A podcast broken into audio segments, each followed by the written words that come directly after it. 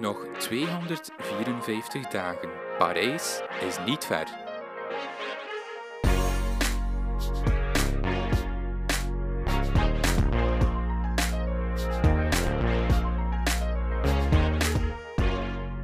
Hallo iedereen en welkom bij een nieuwe aflevering van Parijs is niet ver. Een podcast over de Olympische Spelen. Zoals jullie misschien al hebben gezien op de socials, we drukken dit najaar het hospitaal in en proberen je wekelijks een aflevering te brengen. Dat lukt niet altijd door ons drugschema, maar we doen ons uiterste best. Maar genoeg over de toekomst, tijd voor de aflevering van vandaag. Ik ben Erben en dit is onze gast. Goedemiddag, ik ben Valerie Genaar. Ik ben pistier of uh, baanwielrenster um, in de sprintdisciplines op de piste. Dag Valerie, hoe gaat het? Met mij gaat het fantastisch goed, en met jou? Ja, met mij ook heel goed. Ik ben blij om hier te zijn. En laten we ons misschien eerst hebben over deze prachtige locatie, want waar zijn we vandaag? Wel, uh, je bent vandaag terechtgekomen in het uh, Heuse Zolder in Limburg. Um, we zijn hier op de uh, nieuwe en pas geopende wielerpiste. Um, voor ons als sprinters en voor mij zeker als Limburgse sprinter was het lang uitkijken naar de opening van dit fantastische complex. En voilà, het is, het is werkelijkheid geworden. De eerste rondjes en de eerste medailles zijn hier gehaald. Dus voilà, welkom in Zolder. Ja, wat vind je ervan? Er is heel veel over te doen geweest en media dat het een heel snelle piste zou zijn. Ja, de piste is echt nagebouwd op, uh, op voorbeeld van een van de snelste pistes ter wereld. Uh, natuurlijk speelt de luchtdruk en dergelijke ook altijd mee, maar uh, de vorm van de piste is alvast gemaakt om echt ja, records te gaan breken. Ehm, nu, er is mij ook verteld van de baanbouwer zelf dat um, ja, de piste wel wat tijd nodig heeft om zich te zetten. dus dat hij zeker nog enkele maanden gaat moeten ingereden worden, alvorens dat er echt de snelheid in komt. Maar ik moet zeggen, we hebben er nu wat wedstrijden op gereden en het is toch wel echt een heel, heel goed gevoel al. Uh, en de piste voelt toch wel snel aan al op dit moment ook. Een paar weken geleden was er de officiële opening. Uh, je was er zelf ook aanwezig, want er waren wat demonstratiewedstrijdjes ook meteen. Ja, klopt. Uh, we waren uitgenodigd dan om, om een demo te geven. En dan hebben we ook ja, de eerste ronde hier mogen rijden. Um, ja, en toen hebben we toch wel al tijden in de goede richting kunnen, kunnen zetten. Dus ik denk zeker dat de piste al zijn werk aan het doen is. Maar ik ga ervan uit dat het nog sneller gaat worden. Er was hier afgelopen weekend ook een, ook een BK meteen. Um, maar die was niet voor sprintnummers, als ik goed begreep. Nee, het was eigenlijk een, eh, een BK voor, voor de echte duursporters. Dus ons BK valt in, uh, in december, wel nog in Gent. Um, dus ja, voor mij is het echt uitkijken richting december. Maar je hebt wel deelgenomen aan een, aan een nummer dit weekend. Ja, ik heb mij laten verleiden. Um, er was niet zo'n heel groot deelnemersveld aanwezig. En uh, ik heb eigenlijk de stoute schoenen aangetrokken. Uh, en ik heb mij gewaagd aan een, aan een afstandsnummer. Um, de prestatie op zich was een beetje ondergeschikt voor mij. Ik heb mij geamuseerd en uh, ik, heb, uh, ik heb toch geprobeerd iets te doen, maar gemerkt toch dat ik echt wel uh, sprintspecifiek getraind ben. Dus ja. Uh, beginnen doen we altijd de aflevering met ja, het begin van de carrière van onze gast. Maar van jou is dat een beetje moeilijk te bepalen, want ja, begin van je carrière, je hebt zoveel gedaan. Maar het begon allemaal op achtjarige leeftijd, denk ik, toen je begon met ijshockey. Ja, dat klopt. Um, ja, ik heb een beetje misschien een atypische weg gevonden tot, uh, tot het wielrennen. Ik, uh, ze noemen mij ook wel eens een, een multisporter.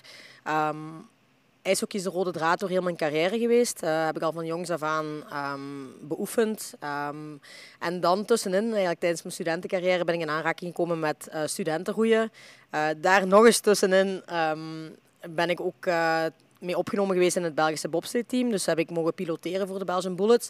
En ik heb na mijn studentencarrière um, die, die bobslee en, het roeien ook uh, stopgezet. Hè. En dan daarna ijshockey nog eventjes blijven verder gaan, tot een corona kwam. En iedereen um, ja, even uh, in de lockdown zat, uh, heb ik de weg naar de fiets ontdekt. En dan is eigenlijk alles heel snel gegaan en heb ik gewoon gemerkt dat alles wat ik had opgebouwd uit die verschillende sporten, dat dat wel resulteerde in dat je heel snel kunt instappen in een nieuwe sport.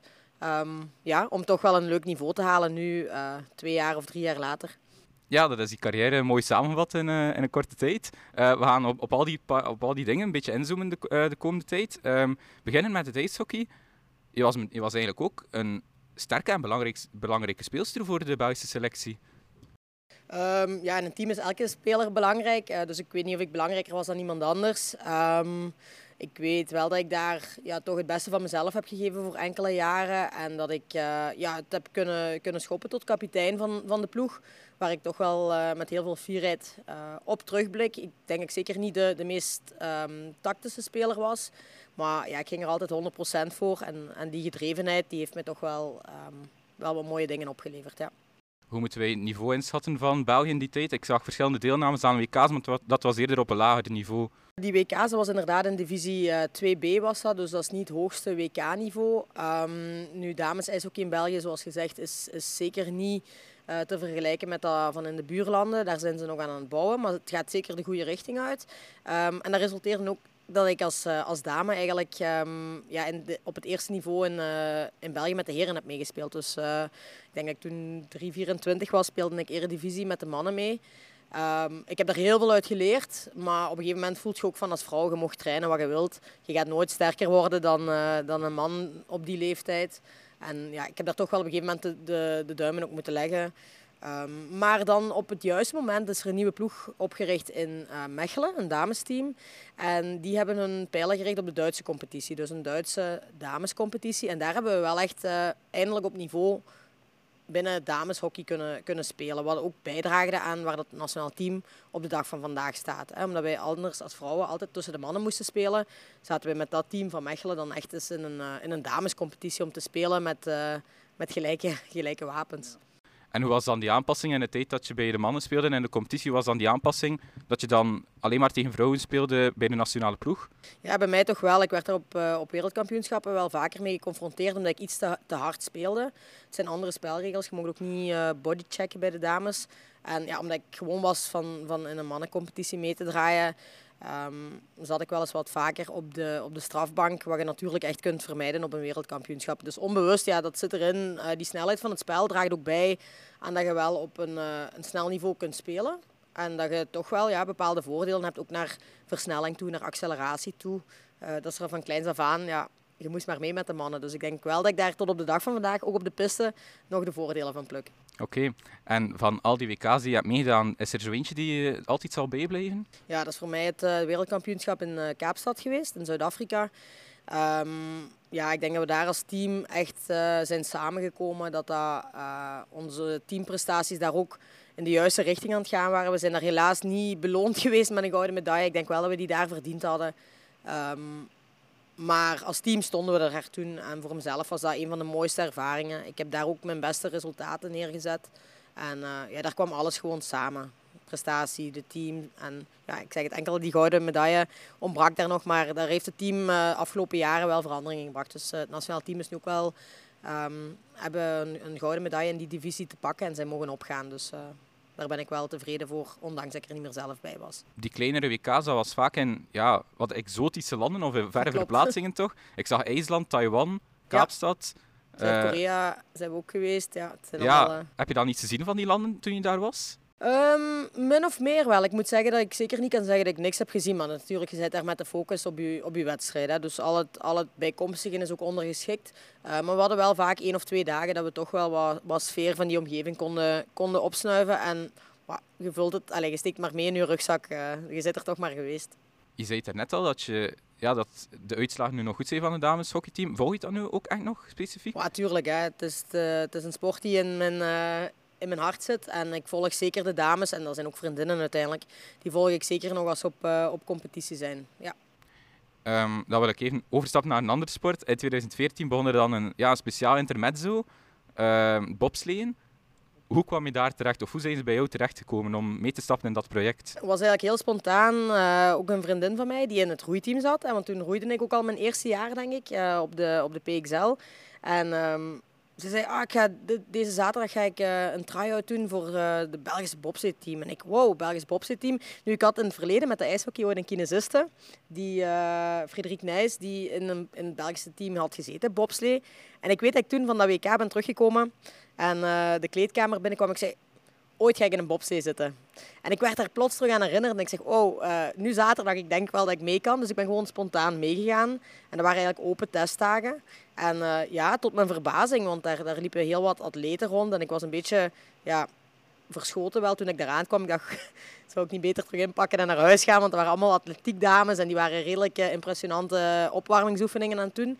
Maar tot mijn verbazing ja, ben ik daar tot, tot in de laatste tien eigenlijk doorgestoten.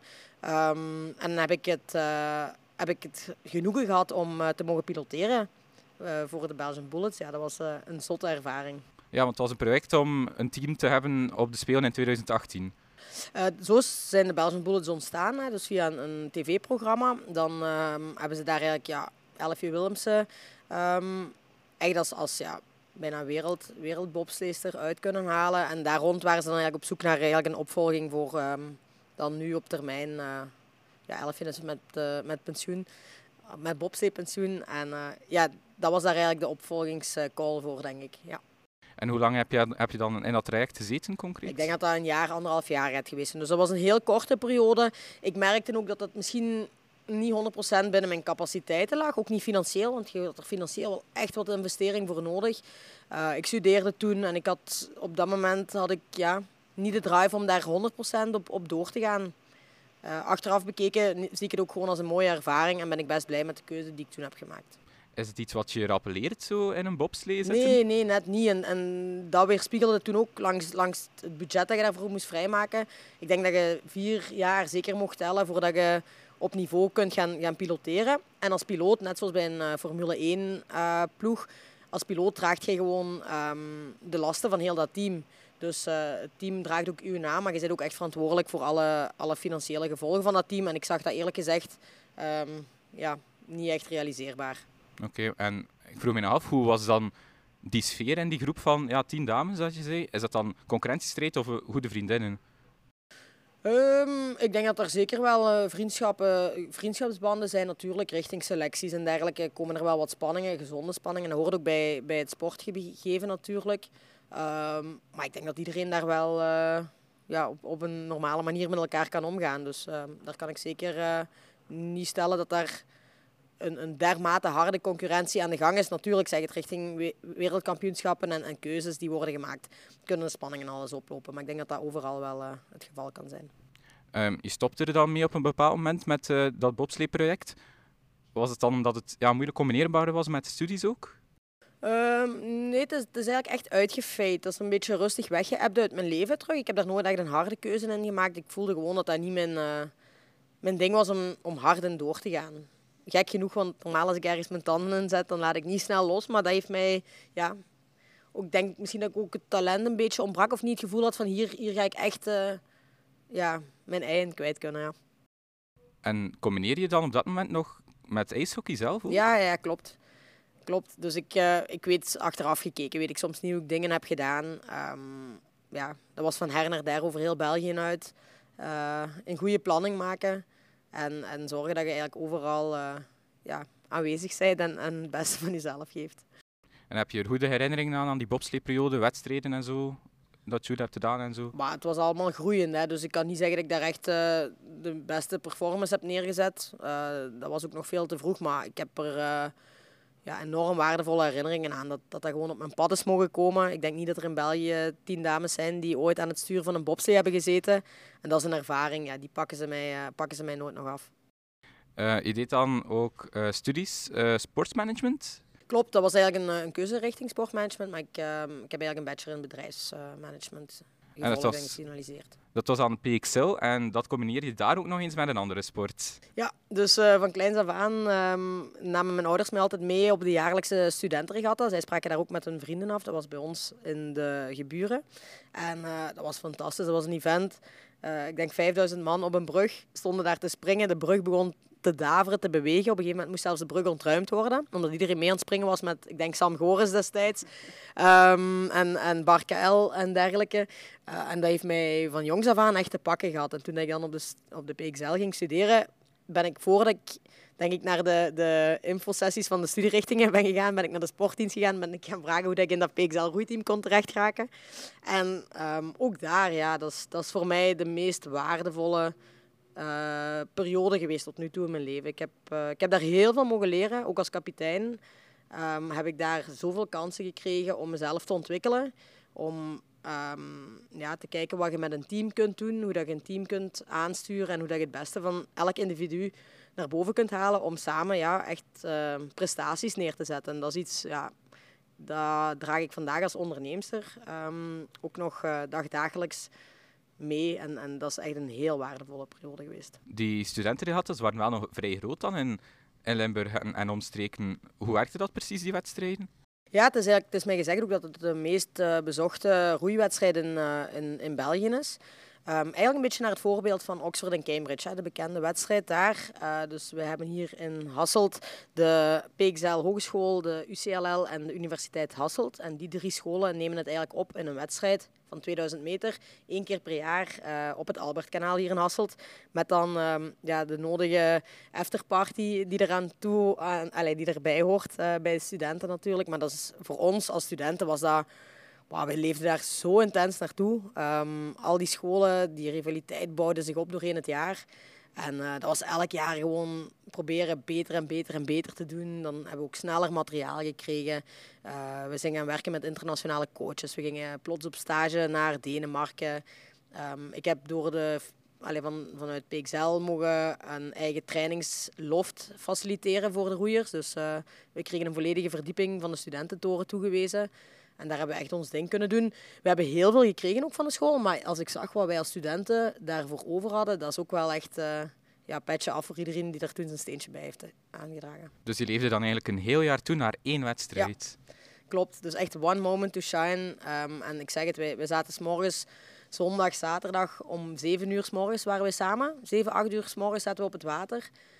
Um, kerstmis, nieuwjaar, allee, al die dingen. Ik weet dat wij daar toen als, met onze wedstrijdboot dat was, uh, we gingen eerst trainen en al de rest gebeurde daarna wel, ook examens. Dat was uh, een dedication.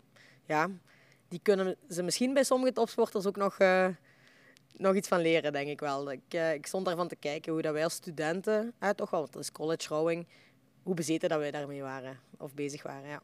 Je zei het daarnet al, je was ook kapitein bij het roeiteam. Ook al bij het ijshockey. Ben je dan echt zo'n leiderstype? Um, ja, dat is moeilijk om van jezelf te zeggen. Nu, doorheen de tijd heb ik wel ondervonden dat ik toch wel wat mensen kan, kan motiveren om allee, mee, mee te gaan in een verhaal. Um, nu, leider, dat zijt je niet, dat wordt je. En ik, ik, allee, ik denk dat ik nog altijd kan, kan bijleren daarin. En uh, ja, het is wel een rol die, die sneller naar mij toe komt of mij toe wordt gegeven dan, dan misschien iemand anders. En ik, ik ben daar ook wel helemaal oké okay mee. Ik vind het ook wel uh, fijn om in die positie te zitten. Maar ben ik al een volleerd leider? Dat waarschijnlijk nog niet. Maar ik doe wel mijn best als, uh, als ik in die functie kom natuurlijk. En hoe werkt dat dan nu bij het sprintteam op de baan? Um, is er daar iemand die de leiding neemt van uh, de groep? Dat is eigenlijk het uh, speciale aan het wielrennen. Hè. Dus ik heb altijd in een team gefunctioneerd. Ik ben ook echt wel een, een teamplayer. Um, dus ik kom nu in een individuele sport terecht. Uh, nu, ondanks dat, merk je ook wel dat uh, die kenmerken van teamsport, dat dat gewoon overgedragen kan worden wanneer dat je met mensen moet werken. En of het nu een individuele sport is, je hebt altijd een omkadering, je hebt altijd een trainingsgroep. En ik denk wel dat ik daar een verschil in kan maken. Ik ben hier geen kapitein en dat is ook niet, niet um, de bedoeling binnen, binnen het sprint uh, gebeuren. Maar ik kan wel stukjes meenemen die ik heb mogen ervaren vanuit de teamsport. Um, naar het wielrennen. En ik, ik vind toch wel dat ze daar ook wel uh, voor openstaan. En dat ze dat toch ook wel appreciëren. Dat ik uh, met een andere uh, kennis eigenlijk hierin ben gestapt. Klopt het dat ook Wart Lemmelijn deel maakte van het roeiteam van PXL? Ja, ja inderdaad. Ik, ik zal het nooit vergeten. Mijn eerste kennismaking met Wart. Um, ja, hij zei van... of iemand kwam naar me toe. Ja, Valerie, we hebben een, een nieuwe student en hij roeit, ik denk 6 minuten 20. Maar dat was per direct ons, onze beste tijd die, die de mannen roeiden. Ik dacht, ja, zal wel. En uh, ja, Wart Lemmelijn is toen langsgekomen. Hij zette zich op de, op de ergometer en uh, ja, hij verbeterde onmiddellijk ook die tijd. Dus hij had rechtstreeks met zijn intro had hij, uh, het, het schoolrecord gezet. Um, hij begon met ons te trainen. Ik heb hem wat techniek kunnen, kunnen bijbrengen toen, hè, want hij, hij begon er net bij. En um, ik zei, ja, wacht, binnen drie weken is er een, een indoor Belgisch kampioenschap. Dat is misschien wel snel, maar voordat mijn zin was uitgesproken, was hij eigenlijk helemaal, uh, helemaal bezeten erdoor. Hij zei, we gaan ons inschrijven. En dan zijn we eigenlijk met ons allen naar daar getrokken. Um, en dat was een fantastisch moment. Ze zaten daar met uh, een, een, twintigtal roeiers op een rij, op ergometers. En Wart zat daar in zijn voetbalshortje. Hij had me voor de wedstrijd nog gevraagd, Valerie, kunt je even naar de winkel een, uh, een lekstok gaan halen en een boterham met confituur. En ik ga, oké, Wart, ik ga dat wel halen. En hij lekte een paar keer aan die lekstok. Ik zeg, waarom doet je dat nu? Ja, dat is voor een suikerboost. Ik dacht, wauw, uh, origineel. En uh, hij zette zich op die, op die ergometer. Hij begon te roeien en niemand was met hem aan het, op hem aan het letten. Maar voordat ze het wisten, hadden ze eigenlijk de verkeerde leider in de wedstrijd voor. Want Bart lag eigenlijk al boten voor op die jong die ze aan het volgen waren. En hij stapte daar echt ja, ik denk 10 seconden of zo voor, de, ja, voor iedereen af. Hij uh, doet daar een redelijk euforische kreet. En uh, met dat was eigenlijk het verhaal Wart Lemmelijn gelanceerd. En al de rest is al, uh, al een beetje geschiedenis. Hè. Het is een bom van de kerel. Ja, je hebt dus echt de eerste stappen van Wart Lemmelijn en ja, begin van profsport zien gebeuren. Ja, klopt, klopt, klopt. En dan merkte je ook dat hij het, het studentengebeuren ook wel al snel begon te overstijgen. Hij had andere doelen, ook andere capaciteiten. En ja, een prachtig atleet, echt. Hoe werkt dat dan in zo'n boot als er, ja, als er iemand veel sterker is dan een andere? Hoe werkt dat dan? Ja, mooie, mooie opmerking die je daar maakt, want dat was een, uh, een probleem eerlijk gezegd. We zaten in een achtzit en dan heb je daar plots zo'n krachtpatser van 105 kilo, of ik weet niet hoeveel dat hem toen woog. Uh, hij trok letterlijk de boot scheef. En op een gegeven moment was het zelfs zo erg dat wij dachten van moeten wij nu Wart zelfs uit de boot gaan zetten om de wedstrijd te kunnen gaan winnen. Uh, en dan hadden we er juist op tijd eigenlijk iets op gevonden. En we lieten Wart, voordat we in de training aanvatten met de achtzit, lieten we hem twee kilometer op de ergometer helemaal zijn ding doen. Dus hij was eigenlijk al in een vermoeide fase als hij bij ons in de boot kwam. En dan uh, begon de compensatie te werken en dan was hij eigenlijk perfect. dus zo hebben we onze, onze regatta wel effectief geroeid dat, dat Wart op, op 80% van zijn krachten moest, uh, moest roeien. Amai, schitterende verhalen vind ik toch wel uh, uit PXL. Um, ik kwam dan een artikel tegen van een afscheid in 2017, maar het volgende jaar was je dan toch weer van de partij. Klopt dat? Ik heb uh, twee jaar heb ik eigenlijk nog uh, ja, de coachrol opgenomen. Ik had ook mijn initiatorcursus gedaan. En uh, ja, dan hebben we ook nog een over, hebben eigenlijk onze overwinningsflow kunnen verder zetten op een nieuw team. Um, die dat ook fantastisch goed hebben gedaan. En ja, PXL is daar toch wel echt leading in geweest. Nu afgelopen jaar of, of twee jaar is het er niet gelukt om de overwinning binnen te halen. Maar ik geloof ook dat elke setback weer uh, de volgende winstronde kan lanceren. Dus daar gaan ze uit leren. Je zei het daarnet al, is dat dan echt zo'n ja, zware concurrentiestrijd? Want ik bijvoorbeeld uit West-Vlaanderen, ik had er nog nooit van gehoord, van die wedstrijd. Ja, hier in Limburg leeft dat toch wel echt. Ja, zeker onder de studenten. Het is, het is een gekend event.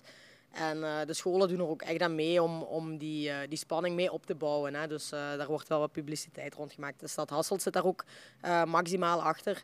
Um, dus ze willen echt Hasselt op de, op de kaart zetten als studentenstad. En um, ik weet van, van interne bron dat uh, studentenregatta daar echt wel een vaste pijler in is. Je zei het daarnet, harde trainingen, een jaar lang. Maar toch deed je nog ijshockey tussendoor.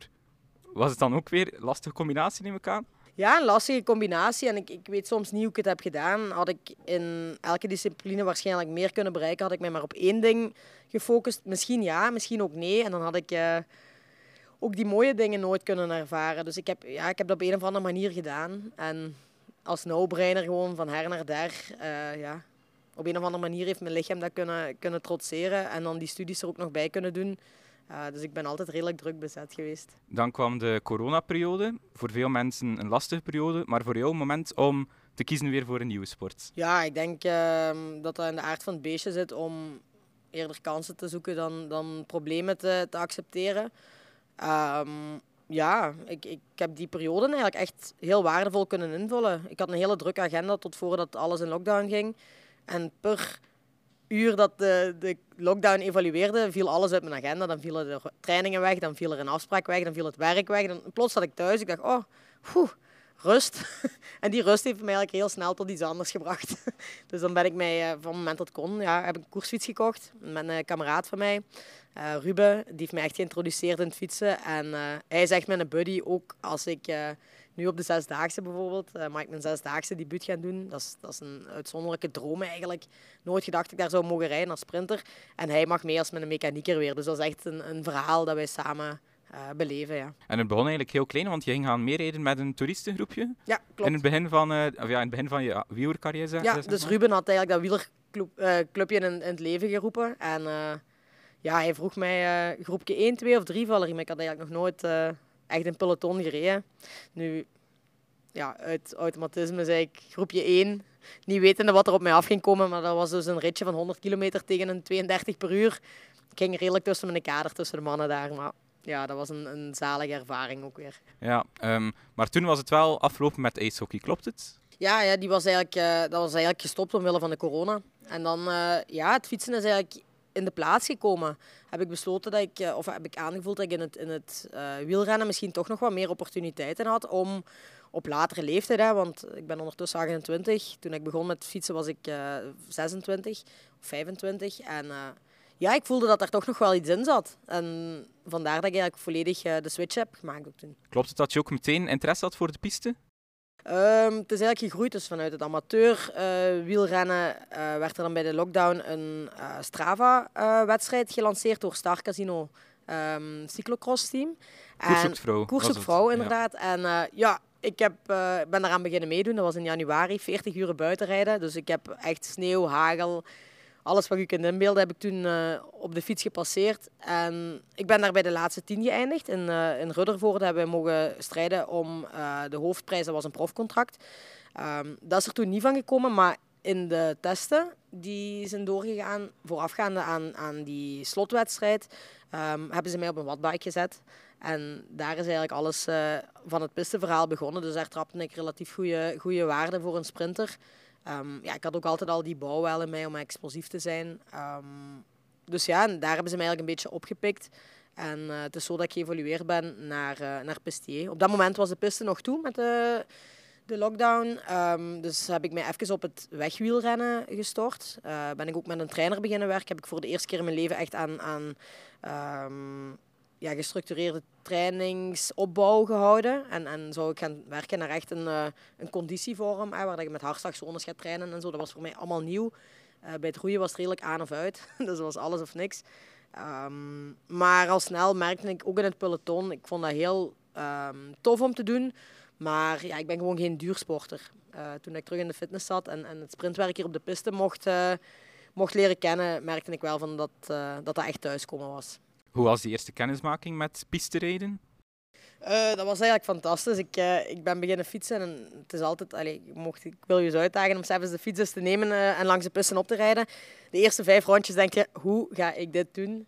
maar ik heb me daarover gezet en van het moment dat ik over de zwarte lijn uit was en effectief tegen de, tegen de wand op aan het rijden was, heb ik tegen mezelf gezegd, ik denk dat ik thuis ben. Dat heb ik letterlijk en dat is me ook altijd zo bijgebleven.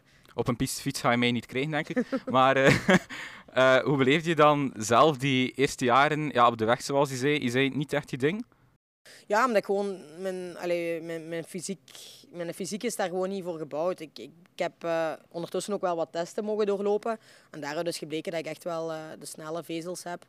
Um, dus echt wel explosieve spieren. ik denk dat je dat zou kunnen omtrainen om een, een standaard wegrenner te worden. Maar je gaat daar nooit de, grote titels mee pakken op die manier, denk ik toch niet. Ik denk dat je nog altijd moet doen waarvoor dat je lichaam ook ja, gebouwd is. We zijn nu nauwelijks twee, drie jaar verder, maar je carrière is heel rap op gang gekomen. Het kwam eigenlijk, um, denk ik, eind vorig jaar voor de eerste keer toen dat Tim Carswell, bondscoach, pistebond, de sprintbondcoach vooral, met plannen kwam voor een sprintteam. Hoe kwam dat nieuws bij jou Ja, dat, is, uh, dat was een beetje mind-blowing eigenlijk op dat moment toen ik dat hoorde. Want ik wist ook echt, de, sprintdiscipline, dat is ook weer iets, dat is een, een, dat is een stil, dat is een vak dat je doorheen de tijd pas echt gaat kunnen masteren. Um, dus ik wist ook dat ik niet van vandaag op morgen op wereldbekerniveau ging kunnen meedraaien in die sprint. Um, dus dat, ik had zoiets van, ik ga hier jarenlang moeten werken om misschien ooit eens naar een wereldbeker te gaan. Nu met Tim uh, aan boord te halen binnen, binnen Cycling Vlaanderen of binnen Belgium Cycling, um, is alles wel in een stroomversnelling gekomen. Hij heeft eigenlijk gezegd van er moet een sprintteam komen en we gaan daar maximaal op inzetten. En, uh, ja, ik denk dat dat voor mij de, de gouden kans is geweest om uh, alles wat ik heb mogen beleven nu met de, met de piste, uh, wereldbekers, EK's, WK's, dat dat echt wel aan Tim uh, toe te wijden is. Misschien nog eerder dan aan mijn eigen um, ja, capaciteiten op dit moment al op de piste. Hij heeft echt gefaciliteerd dat wij um, naar die wereldbekers zijn gegaan en dat wij ons daar hebben mogen ja, toeleggen op die nieuwe discipline. Uh, en dat wij ja, die kansen echt wel hebben gekregen. En ik denk ook wel dat we die als atleten maximaal genomen hebben. Dat ook wel. Maar uh, ja, ik moet zeker naar Tim kijken daarvoor. Uh, ja, met echt wel een heel dankbare blik. Ja. Zijn doel was om Parijs 2024 te halen. Er werd aanvankelijk ja, een soort van poelen met vier à vijf vrouwen ja. aanduid. Hoe, hoe, hoe gebeurde dat precies? Dat gebeurde op basis van testen. Hè. Dus hier op de piste staan ze eigenlijk constant met de chronometer langs u. Um, alles wordt getimed, alles wordt uh, getraced. En op basis daarvan ja, kon je eigenlijk wel, wel al snel een onderscheid maken tussen ehm, ja, de dames waarmee je echt kunt gaan werken. En de dames die wat meer in een development positie zitten. Nu, ik, uh, vanuit teamsport en vanuit het roeiteam weet ik dat je beide nodig hebt. Hè, want het kan allemaal heel snel gaan en er kan ook heel wat pech optreden. En uh, ja, een brede basis is, uh, is waar Tim ook maximaal op in het inzetten is. En ik geloof dat dat de sleutel tot succes is. Misschien niet voor deze Olympische Spelen, want dat, is heel, dat was ook heel snel. Dat was een heel ambitieus plan. Uh, maar Tim is iemand die niet op korte termijn denkt. En ik denk dat hij met zijn lange termijnvisie wel heel mooie dingen kan, kan in beweging zetten. Dus zeker een geslaagde zet van Belgian Cycling om Tim Carzo binnen te halen dan? Ja, ik denk het enorm. Uh, zeker naar de sprint toe, want bijvoorbeeld Nicky de Grendelen, een collega-sprinter en, en toch wel de leading lady, leading lady binnen, binnen uh, het sprintwerk hier op de piste. Um, ja, van haar weet ik dat er eigenlijk tot voor Tim bijna geen ondersteuning was voor de sprinters. Dus er was enkel voor de duurrenners uh, een coach en zij moest haar trainingen er maar tussenin um, zien te fietsen, letterlijk. Um, dus ja, zij kan toch wel beamen dat, dat Tim echt wel een goede zet is geweest voor Belgium Cycling. Wat ik ook, nog opvallend vond vorig jaar, in die periode dat dan project werd voorgesteld, werd je dan ook Belgisch kampioen. Uh, ja, hoe heb je dat beleefd, die Belgische titel op de 500 meter? Uh, ja, dat was, dat was voor mij wel, uh, wel ook een benchmark. Ik wou die titel zo graag binnenhalen. Ik had zoiets van, alles wat erna komt is mooi meegenomen, maar ik wou toch één keer wel Belgisch kampioen zijn. Want ja, kampioen, je bent het voor de rest van je leven. Hè, dus ik zag mezelf al in mijn kantoor zitten met zo'n schone trui ergens ingekaderd. En uh, ja, als je dat dan kunt doen, um, ja, euforie tot en met. En, en, dat geeft enorm veel voldoening. En dat maakt ook alle effort die je ervoor op, allez, opoffert, of alle moeite die je ervoor doet, uh, maakt het dat ook wel waard. Uiteindelijk kwam er dan een, een team met uh, Johan, met Nicky de Grendelen, Elke van Hoof en Julie Nicolaas. Ja. En in een mum van tijd komen jullie dan terecht op het EK in, um, in Grenchen. Ja. Uh, jullie worden daar zesde. Wat vonden jullie zelf van het resultaat? Ik denk dat we daar allemaal uh, met een heel tevreden gevoel naar terugkijken. Die prestatie, dat was op het juiste moment, want er was wel wat uh, aandacht en, en, wat nieuwsgierigheid naar dat sprintteam. En ja, we hebben daar eigenlijk met, het, het, met ons debuut hebben we daar wel een heel mooi resultaat neergezet. We hebben het Belgisch record aangescherpt. Um, ja, die zesde plaats, dat was zeker uh, een, een goede zet richting, richting dat einddoel uh, Parijs 2024. Um, ehm, en dan zijn er eigenlijk heel kort daarna uh, wereldbekers gevolgd. waar dat we dan echt wel punten moesten pakken ook. nu, daar hebben we toch wel gemerkt dat we nog wel wat werk aan de winkel hadden. Dus we hebben ons niveau van een grensje ook niet kunnen overstijgen daarna. Waar je zou denken dat in een groeiend project toch wel de bedoeling moet zijn. Nu, dat ligt aan verschillende factoren. Hè. Um, maar ik denk dat we het ook gewoon tijd moeten gaan geven. En, en dat we vooral moeten ja, blijven positief denken, blijven heel hard en keihard werken. En zoeken naar die, naar die kleine details. Um, ja, om toch zo snel mogelijk um, op dat wereldniveau aan te sluiten. Ja, op dat EK in Grenchen deed je ook nog individueel mee. Ja. Op de 500 meter. En je pakte daar het Belgisch record. Inderdaad. En dat was opvallend, want Eerst pakte Julie Nicolaas het Belgisch record en een paar minuten later verbeterde jij het al. Ja. Dat was een heel bijzondere periode, neem ik aan dan. Ja, dat was, uh, dat was leuk. Het was ook een, een record dat op naam van Julien Doren stond. Ja, dat is uh, toch wel een heel grote naam. Um, misschien geen naam echt binnen het sprinten, hè, maar Julien is sowieso een, een heel grootste renner geweest. Dus als je die haar record kunt, uh, kunt aanscherpen, dan, dan geeft dat wel wat vleugels. Dan eventjes een zijsprongetje ondertussen je bouwt je koerscarrière uit, maar ondertussen heb je ook nog je eigen onderneming. Hoe verloopt dat, die combinatie?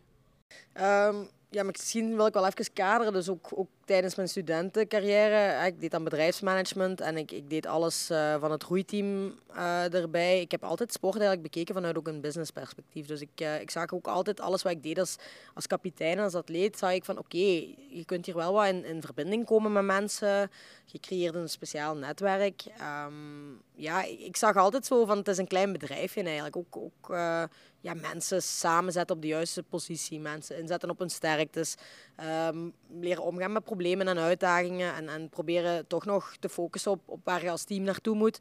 Um, ja, ik voelde al redelijk snel dat ik echt wel een ondernemersdroom had. Al van 15, 16 jaar uh, liep ik daarmee rond. Um, maar ik ben ondanks dat toch gewoon voor een baas gaan werken. Een heel leuk bedrijf waar ik toch wel wat vrijheid kreeg. Uh, en mijn vader was altijd al ondernemer. Hij was eigenlijk vooral echt ja, harde werker en zelfstandige, zal ik maar zeggen. En ik zag thuis dat er op een gegeven moment heel wat opportuniteiten de deur uitvlogen. En toen dacht ik, Valerie, dit is, uh, dit is het moment om uh, uw schouders ermee onder te gaan zetten. En ik heb dan in 2021 besloten om uh, volledig zelfstandig te worden. En echt van, van het bedrijf thuis een, een familieonderneming te maken. in combinatie dan, dat liep eigenlijk een beetje gelijk met, met het begin van het pistenverhaal. Nu, ik moest twee tot drie keer in de week in Gent zijn. Um, ja, als werknemer is dat eigenlijk al helemaal niet meer haalbaar. Als ondernemer is dat moeilijk, maar je kunt het nog altijd op een of andere manier in je agenda zien te plannen, hè, als dat belangrijk genoeg is voor jou. Maar als werknemer weet ik sowieso al dat ik nooit had kunnen doen wat ik de dag van vandaag heb gedaan. Um, en de combinatie ondernemen en topsport, ja, heel veel mensen zeiden ook al in het begin van Valerie dat dat gaat niet lukken, dat is onmogelijk. Um, ik ben als atleet en als ondernemer in beide vlakken voor mezelf ook nog niet geslaagd. laat dat duidelijk zijn. Ik heb, ik heb nog heel veel uh, doelen die ik nog niet heb afgevinkt. Um, of ik het met de combinatie zal bereiken, misschien ook niet. Maar ik, uh, het geeft me op dit moment zoveel voldoening, zoveel energie. Uh, ondanks dat mij echt wel wat, wat uren slaap kost ook, op, op sommige momenten. Het geeft mij echt vleugels. En um, dat is gewoon iets dat ik voor de rest van mijn leven kan meedragen, wat ik nu aan het doen ben. En ja, ik wil mezelf dat gewoon nog even gunnen. En uh, kijken tot waar dat we het op deze manier kunnen brengen. Is het het meest ideaal als atleet? Alles behalve. Want ja, ik zeg het, ik, uh, ik loop wel met wat stress rond en met wat deadlines. En uh, mijn team begint ook groter te worden. Dus je wordt ook echt verantwoordelijk voor het aansturen van mensen. En, en je kunt moeilijk zeggen, trek je plan mannen. ik zit op mijn fiets, dus de druk om, om alles klaar te krijgen voordat ik naar een training ga, die is wel zeker aanwezig. Dus het is wel de bedoeling om te blijven combineren, de twee dingen, sport en je ja, professionele carrière? Ja, ik heb het ik heb het gewoon geaccepteerd dat het zo is. Um, ik heb ook voor mezelf gezegd dat mijn, mijn echte doel is om als uh, onderneemster misschien ooit uh, op de Olympische Spelen te geraken. Dus dat is mijn missie en het zal dan ook op de manier zijn zoals het nu is. Is dat dan om daar een Olympische medaille op te gaan halen? Ja, dan moet ik ook heel realistisch zijn en zeggen dat is niet, niet the way to go. Um, maar ondanks dat ga ik wel altijd voluit. Uh, ook op training en op wedstrijden. Um, ja, het versterkt elkaar wel. Wat er dan wel een voordeel is, je weet dan al wat je gaat doen na je carrière. Er zijn veel sporters, denk ik, die nog geen echt idee hebben wat ze gaan doen na hun wielerpensioen of sportpensioen. Ja, ergens is het uh, een, een, fijn gevoel om te weten van, kijk, het fietsen tot waar het mij mag brengen, um, is mooi meegenomen. En al de rest, ja, dat wil ik realiseren in, uh, in mijn ondernemersdroom. Um, dus dat zorgt wel dat ik, dat ik met een ander gevoel kan rondfietsen. Voor mij is het fietsen niet levensbelangrijk. Uh, en dat zorgt toch wel dat ik ja, met een andere drive hier aan de start kan staan en dat ik gewoon ja, bepaalde zorgen niet heb waar dat andere mensen echt moeten rijden om, om een bepaald contract binnen te halen, om een bepaalde verloning binnen te halen. Uh, die zorgen die draag ik niet mee, wat ook een voordeel is. Oké, um, we hebben het al gehad over het EK dit, van dit jaar. Er was nog een ander groot toernooi dit jaar, het WK afgelopen zomer in Glasgow, het Super WK zelfs, met alle wielerdisciplines. Um, daar behaalden jullie de twaalfde plaats met de teamsprint. Wat was het gevoel toen achteraf? Um, voor mij persoonlijk um, had ik daar echt ons beste resultaat willen neerzetten. En ook, ook mijn, mijn individuele afstand, hè, dus het stukje dat, dat ik voor mijn rekening nam, vond ik op een WK dat ik er gewoon moest staan en het snelste, de snelste afstand afleggen die ik tot nu toe al had gedaan. En dat heb ik niet kunnen doen was er in de buurt, maar niet verbeterd. En ja, dan ben ik gewoon kritisch genoeg voor mezelf om te zeggen uh, dat het daar sneller had gemoeten. Want uh, Julie Nicolaas die had toen echt een flitstart. Die was heel snel weg. Uh, dus eigenlijk had er wel een verbetering van het resultaat in moeten zitten. Want voor de duidelijkheid, jij bent de tweede in ja, de rij. Zowel op TK was je tweede achter Van Hoof. Ja. En nu was je op 2K was je tweede achter Nicolaas met dan de grendel als ja. slotstuk. Klopt. Hoe verloopt dan die, ja, die strategieplanning van jij gaat als eerste, jij gaat als tweede, wanneer werd dat al beslist? Uh, dat is de coach die dat beslist, hè, op basis van ieder zijn sterktes ook weer. Um, ja, dat is een, een, een, keuze die Tim maakt. Um, ik zou zelf ook wel graag eens de kans krijgen om als uh, startvrouw op een, uh, op een wereldbeker te starten of op een, een belangrijke wedstrijd. Um, omdat ik denk dat daar ook wel mijn sterktes kunnen liggen. Nu, ik zeg het, dat is een puzzelstukje dat moet gelegd worden. En we zijn nog een heel jong team. Dus ik denk niet dat we daar al uh, in een heel vast format zitten. Um, nu, Julie is ook een fantastisch goede starter. En ik denk hoe dat zij in Canada toen uh, gestart is. Of in, uh, in Glasgow. Um, in Glasgow was het, sorry. Um, ja, dat had ik toen ook niet beter kunnen doen. Dus ik denk voor Glasgow was dat zeker de, de beste opstelling. Ja, want Nicolas viel, viel eigenlijk in, want van, Elke van O was uit te vallen met ja, verschillende breuken Ja, klopt. na een val. Ehm, hoe was dan nog die voorbereidingen naartoe? Was dat dan nog een beetje chaotisch daardoor? Die was wel wat chaotisch. En Julie had dan ook een, eh, een tijdje eh, dat ze wat, allez, moet ik zeggen, dat ze wat ziek is geweest. En ja, we hebben eigenlijk niet zo heel veel kunnen samen trainen, nog richting dat WK.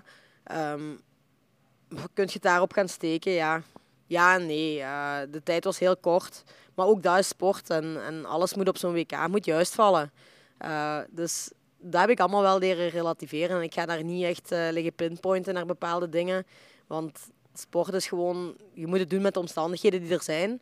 En ik geloof dat echte kampioenen daar gewoon hun ding mee doen. En eh, dat dat het verschil maakt tussen iemand die eerste of tweede of tiende wordt. Ja. Ik denk dat dat daar allemaal aan kan bijdragen.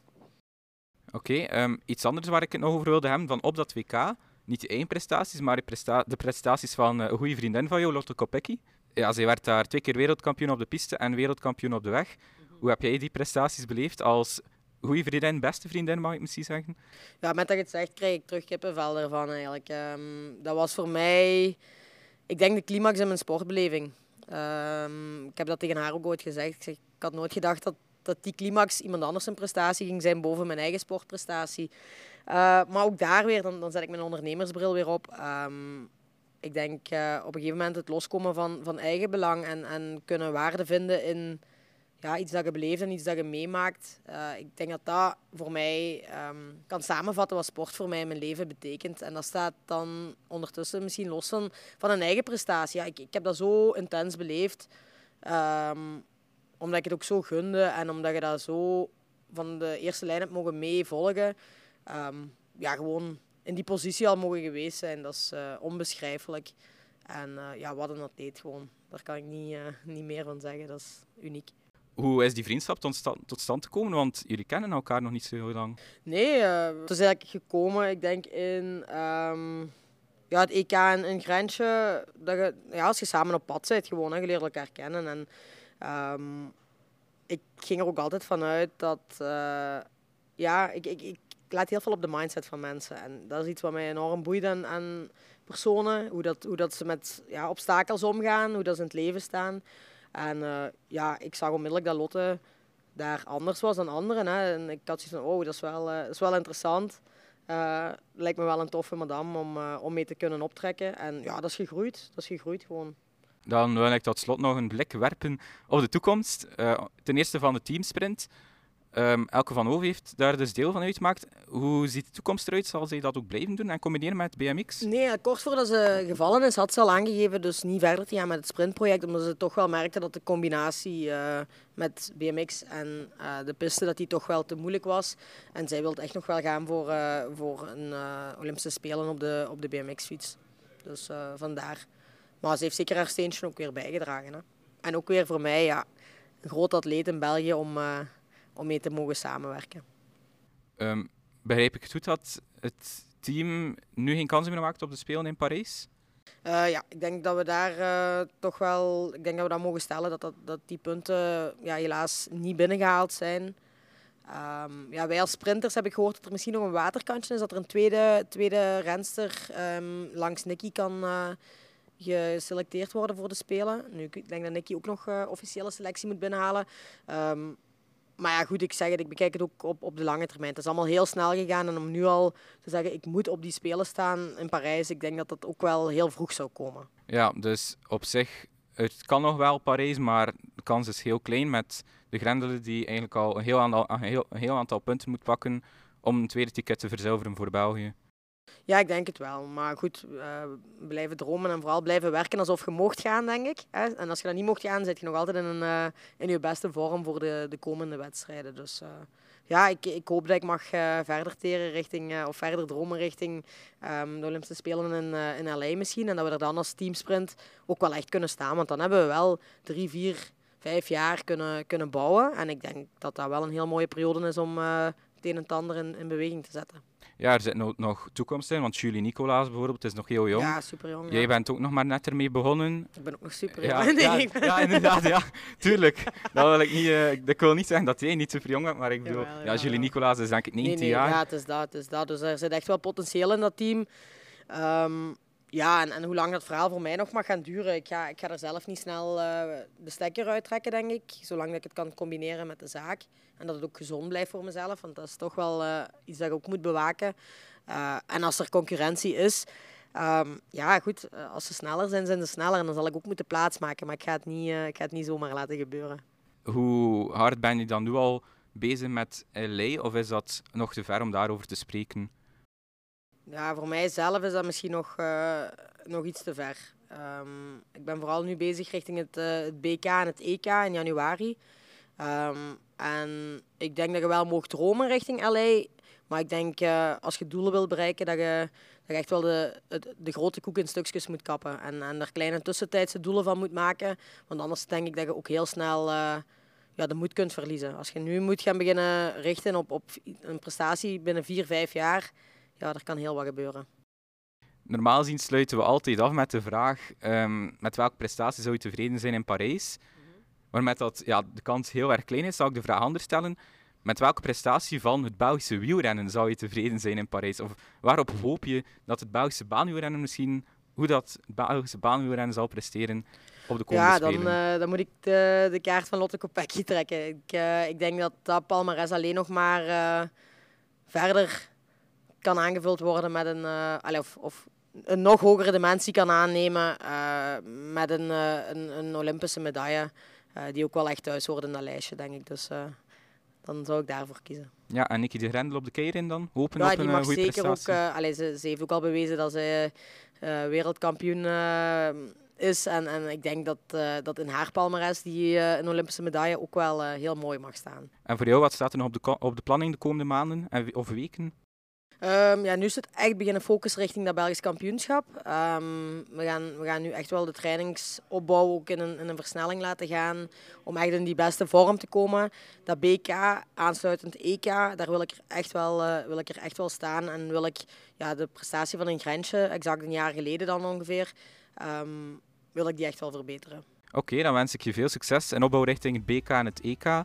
Uh, en enorm bedankt dat je te gast wilde zijn en dat ik hier mocht uh, langskomen in deze prachtige, op deze prachtige piste. Met graagte.